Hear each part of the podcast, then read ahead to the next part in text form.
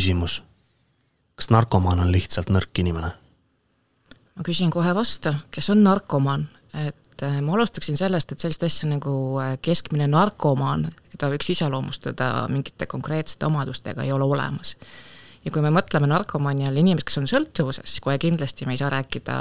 nõrgast inimesest et ainuüksi juba sellepärast, et kui vaadata nende inimeste teekonda, kes on sõltuvusest vabanenud, siis see teekond on olnud ülimalt raske ja eeldanud väga palju jõupingutusi. aga kui me mõtleme nagu laiemalt kõikidest nendest inimestest, kes tarvitavad, siis kohe kindlasti me ei saa sellist üldistust teha, sest et äh, probleemid uimasti tõttu võivad äh, olla ka inimestel, kes noh, kõikide ühiskonnas kokku lepitud iseloomustuste kohaselt on väga tugevad, on, on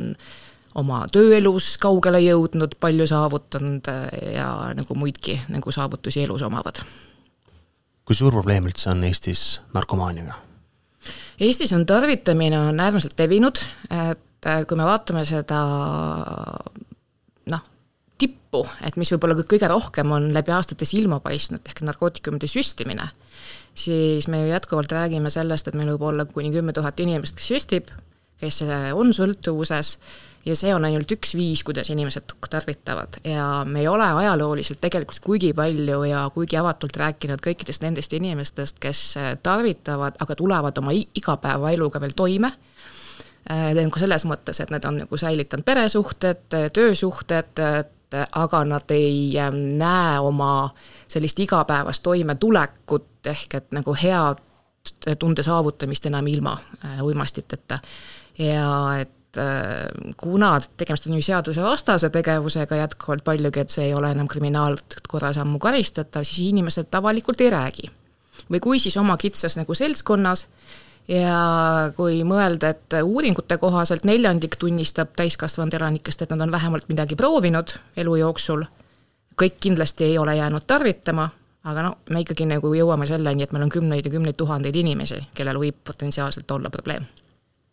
kui me võtame Eesti regionaalselt lahti, siis ma ei tea, nagu aastate eest alati tõusid esile Tallinn-Harjumaa, Ida-Virumaa just nimelt tarvitajate hulga tõttu. kas seal on ka mingisuguseid vahesid nüüd näha, ütleme viimase viie aasta jooksul, et kuskil on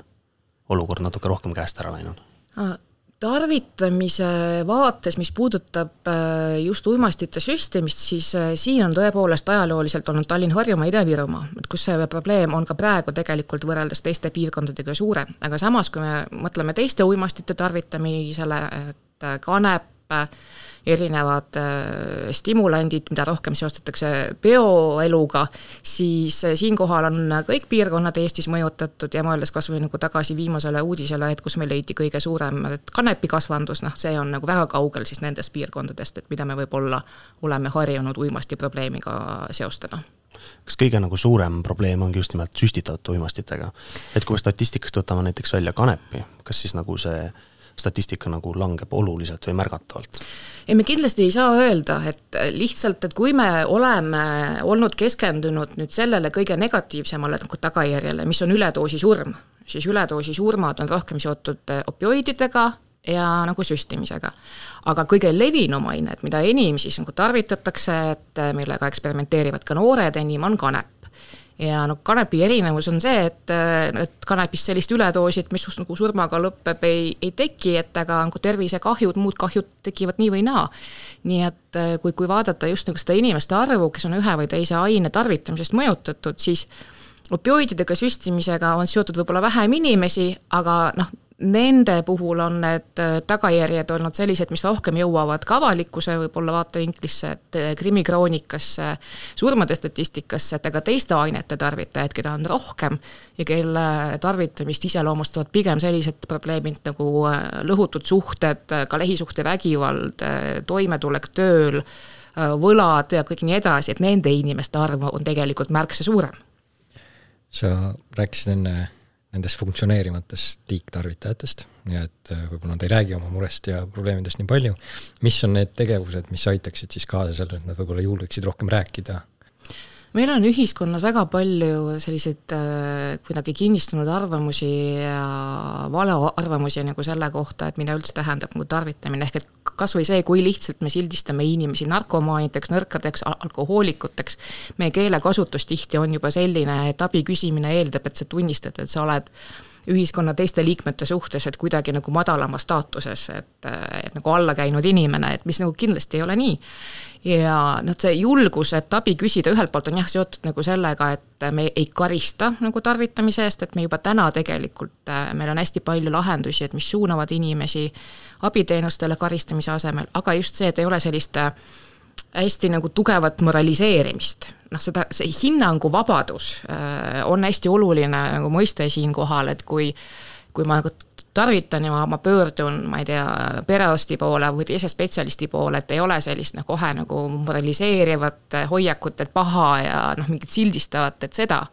Et me nagu tunnistame, et inimesel võivad olla vaimse tervise probleemid, muud probleemid, stress, ärevus, mis iganes, et mille tõttu ta otsib siis äh, lahendust just ainete tarvitamisest ja nagu suudame sellest rääkida ratsionaalselt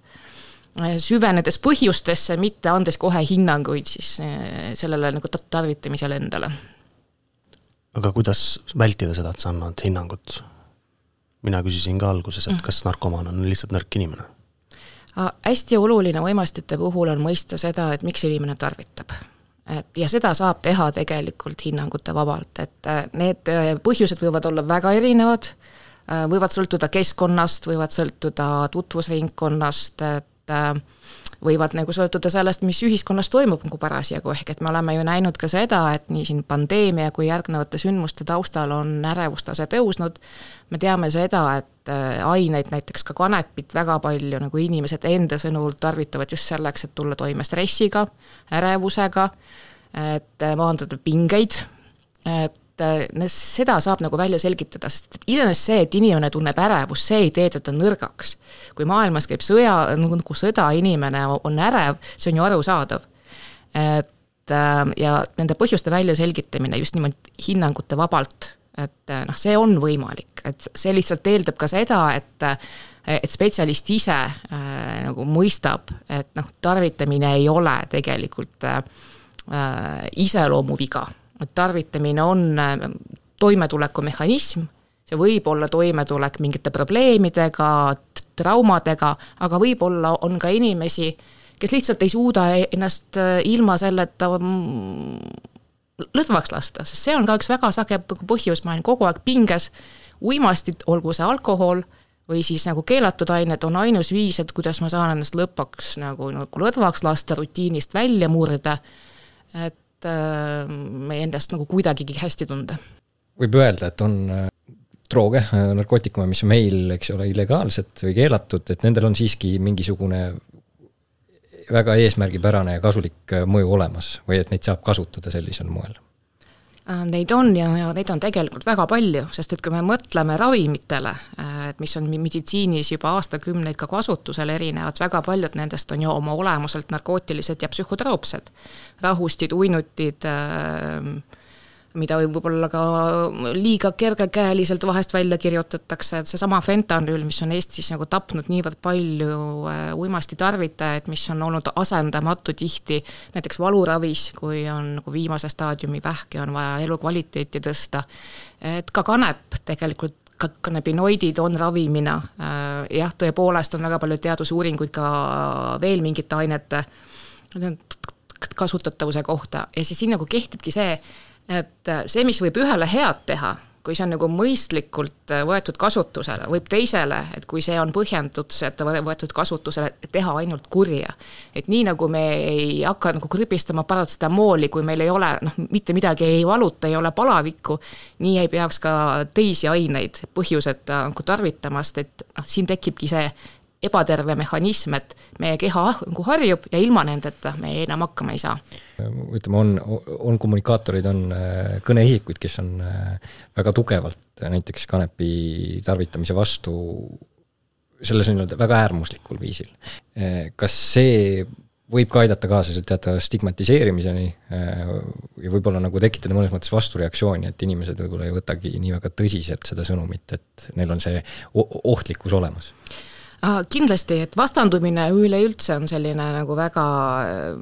noh, ütleme ebakonstruktiivne probleemi lahendamise viis ja eks siin nagu tuleb nentida, et ajalooliselt on olnud ka väga kategoorilised seisukohad ka ütleme ennetuses, et ähm, ja, ja selline ainete demoniseerimine ja läbi selle ka nagu tarvitajate demoniseerimine, et see on see, et millega me peame praegu toime tulema, need liiga tugevad üldistused. et et äh, me ju ei saa öelda, et, äh, et, et seesama nagu aine, et noh, et võtame siis kanepinoidid, noh, tegelikult kanepil kui sellisel on väga palju kasutusalasid. et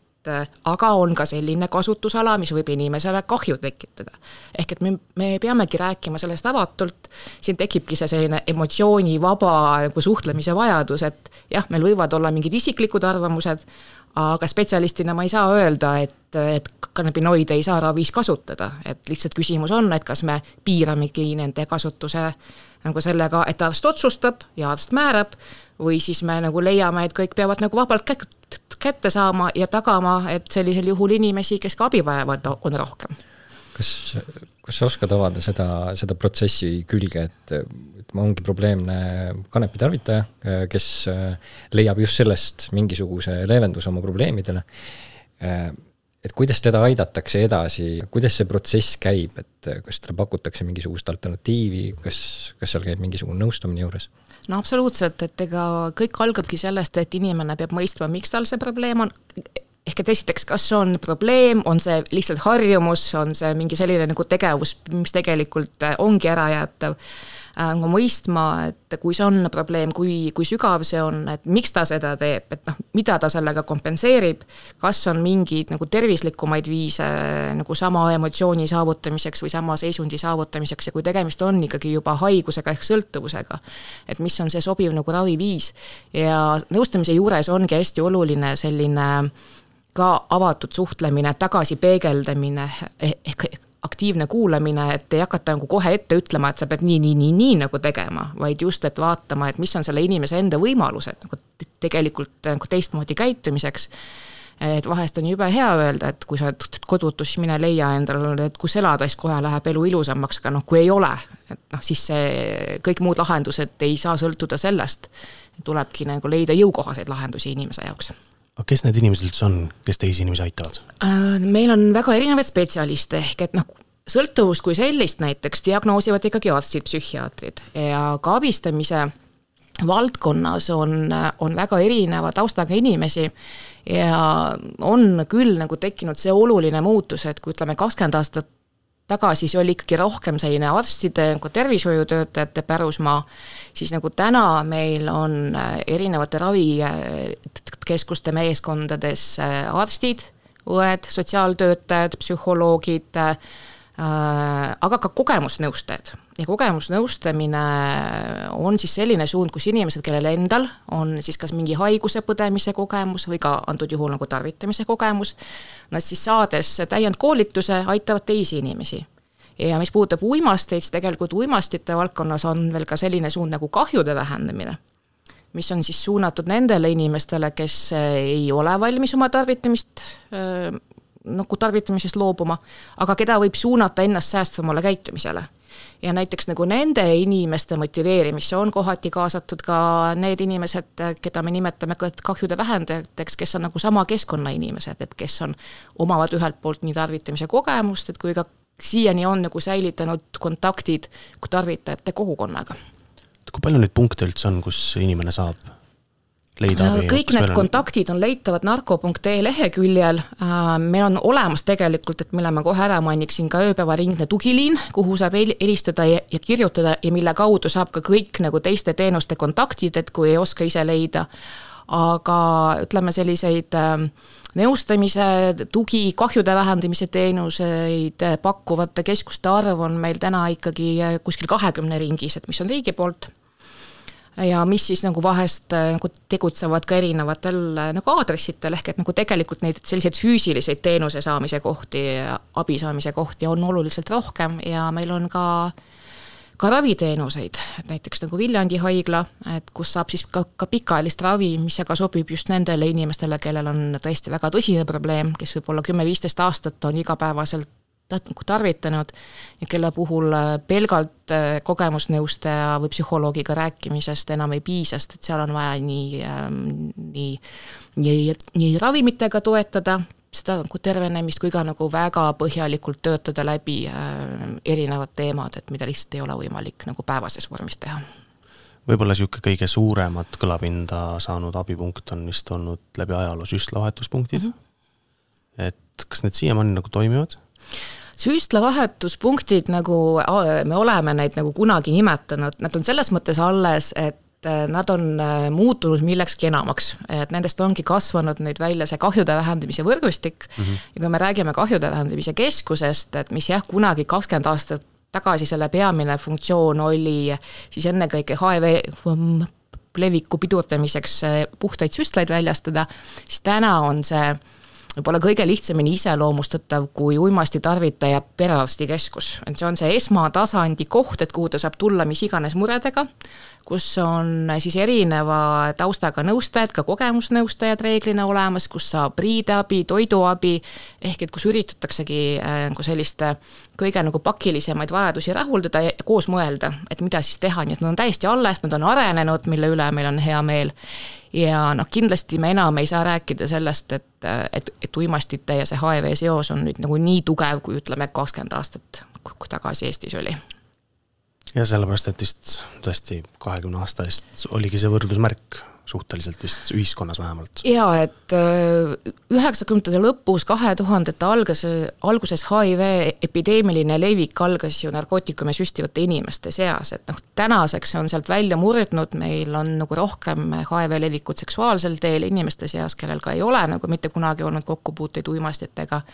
samas uimastite valdkond on nii, niivõrd palju keerulisem, me räägime kogu äh, biokultuurist, ööelukultuurist, millega tihti kaasneb juba üsna loomuliku osana paljude jaoks ka nagu ainete tarvitamine, ehk et seda äh, on inimesi, kes ei kujuta endale ette, et minnakse festivalile ja mitte midagi ei, ei tehta, nii et noh, siin ikkagi on seoseid,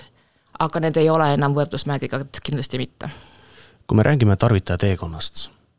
siis millest see tavaliselt algab? mis on need gateway drug'id, mis uh, lävepaku me kindlasti ei toeta sellist mõistet nagu äh, nagu, nagu gateway drug, sest et sellist ühtset jada ei ole olemas, ehk et kui sa seda võtad, siis sa kindlasti nagu võtad ka järgmist.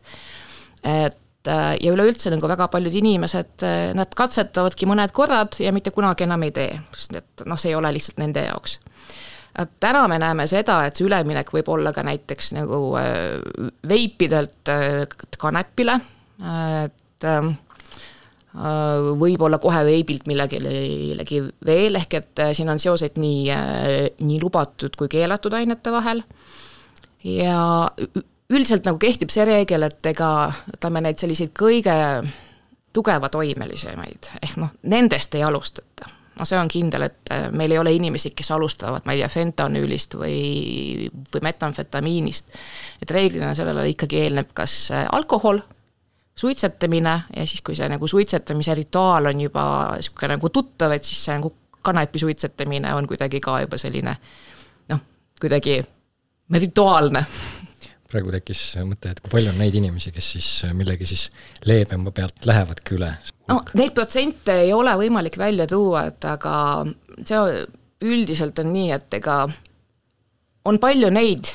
kes tarvitavad kanepit või alkoholi, ei hakka mitte kunagi nagu tarvitama mitte midagi muud, aga samas kõik need, kes tarvitavad midagi muud, on suure tõenäosusega nagu tarvitanud või tarvitavad ka alkoholi ja kanepit. nii et äh, teatud nagu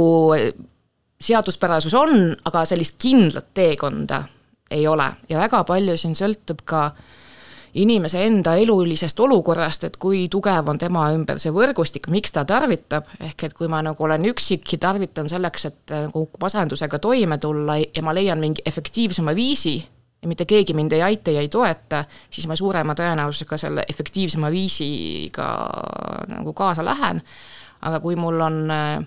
tugev sotsiaalne võrgustik, ma suudan elu nautida ka ilma uimastiteta, siis on nagu suurem tõenäosus, et ma nagu tegelikult äh, ei, ei seo oma toimetulekut ainetega. kui suur probleem on see, et tõepoolest, et ööelus noored kasutavad palju see on väga suur probleem ja see on siiani lõpuni äh, määratlemata probleem, ma ütleksin. et mida me näeme, on see, et väga paljude noorte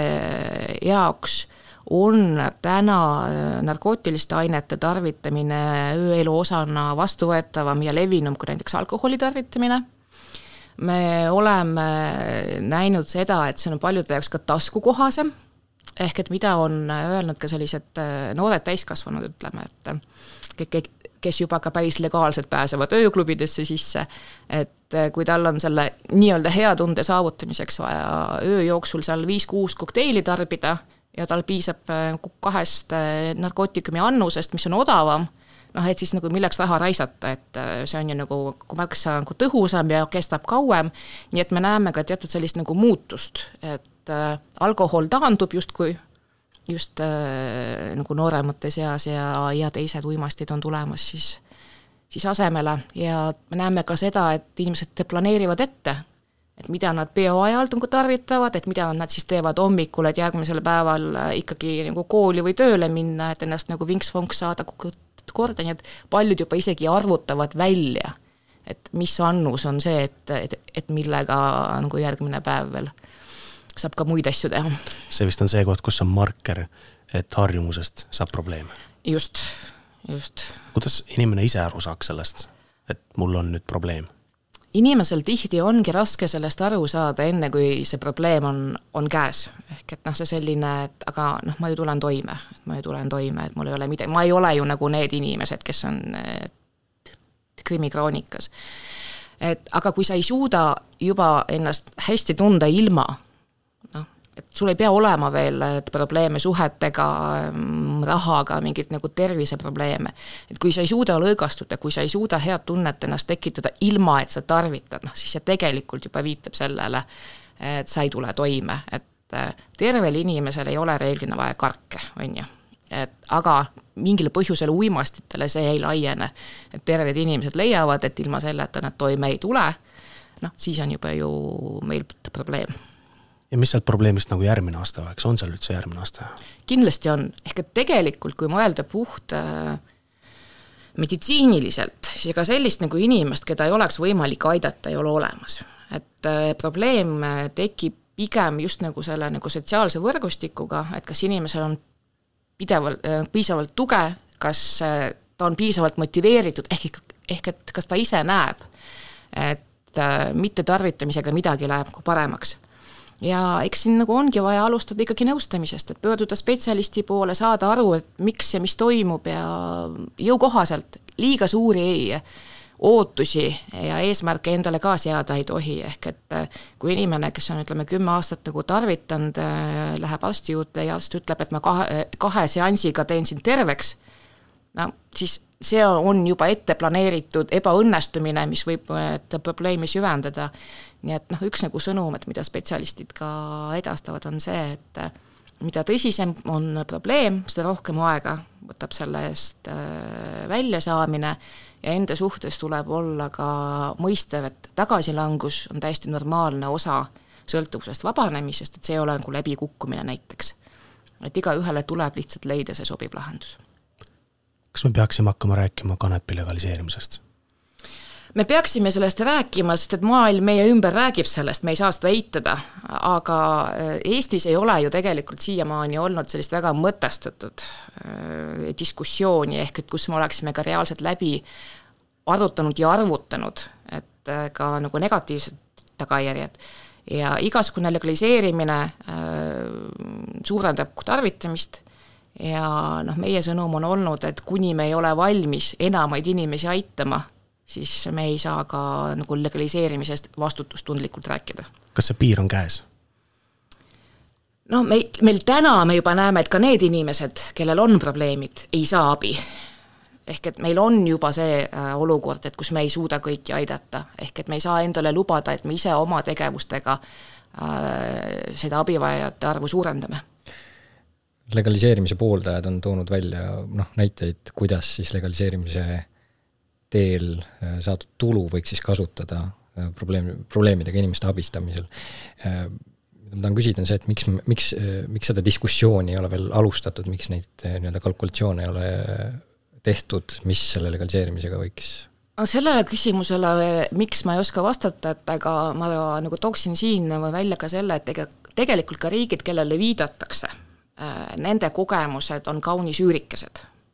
Ehk et nende riikide puhul me ka ei tea täna, mis on selle legaliseerimise hind äh, ühiskonnale, rahva tervisele siis pikas vaates. et jah, et, et laekuvad mingid maksud aga kas näiteks Ameerika Ühendriikides on äh, nagu selle kümne aastaga nagu vähenenud näiteks opioidide või muud probleemid, kas midagi on muutunud paremaks, noh, ei ole, läheb ju all, nagu pidevalt läheb hullemaks. ehk et äh, et siinkohal me peame nagu rääkima ka sellest, et äh, kanepi legaliseerimine ei tähenda veel, et meil nagu teiste uimastite tarvitamisega seotud olukord läheks nagu paremaks. ehk et need asjad, see ei ole nagu tõendatud nagu täna, et need seosed siin oleksid nii nagu tugevad. aga rääkima me peame kindlasti, et äh, kaua me ootama peame, et, äh, et saada need, selle info, mille mm -hmm. põhjal siis otsustada nagu välisriikide näitel? no välisriikide info on äh, niivõrd-kuivõrd see on äh, on olemas, aga noh, kui me mõtleme tagasi näiteks, et äh, nagu sellele, et kuidas me õppisime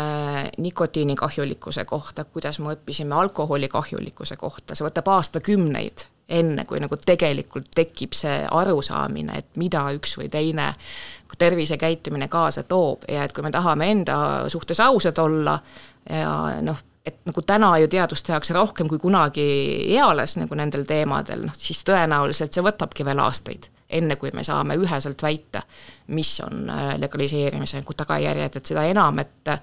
eri riikides on olnud ka väga erinev kogemus, kuidas seda tehakse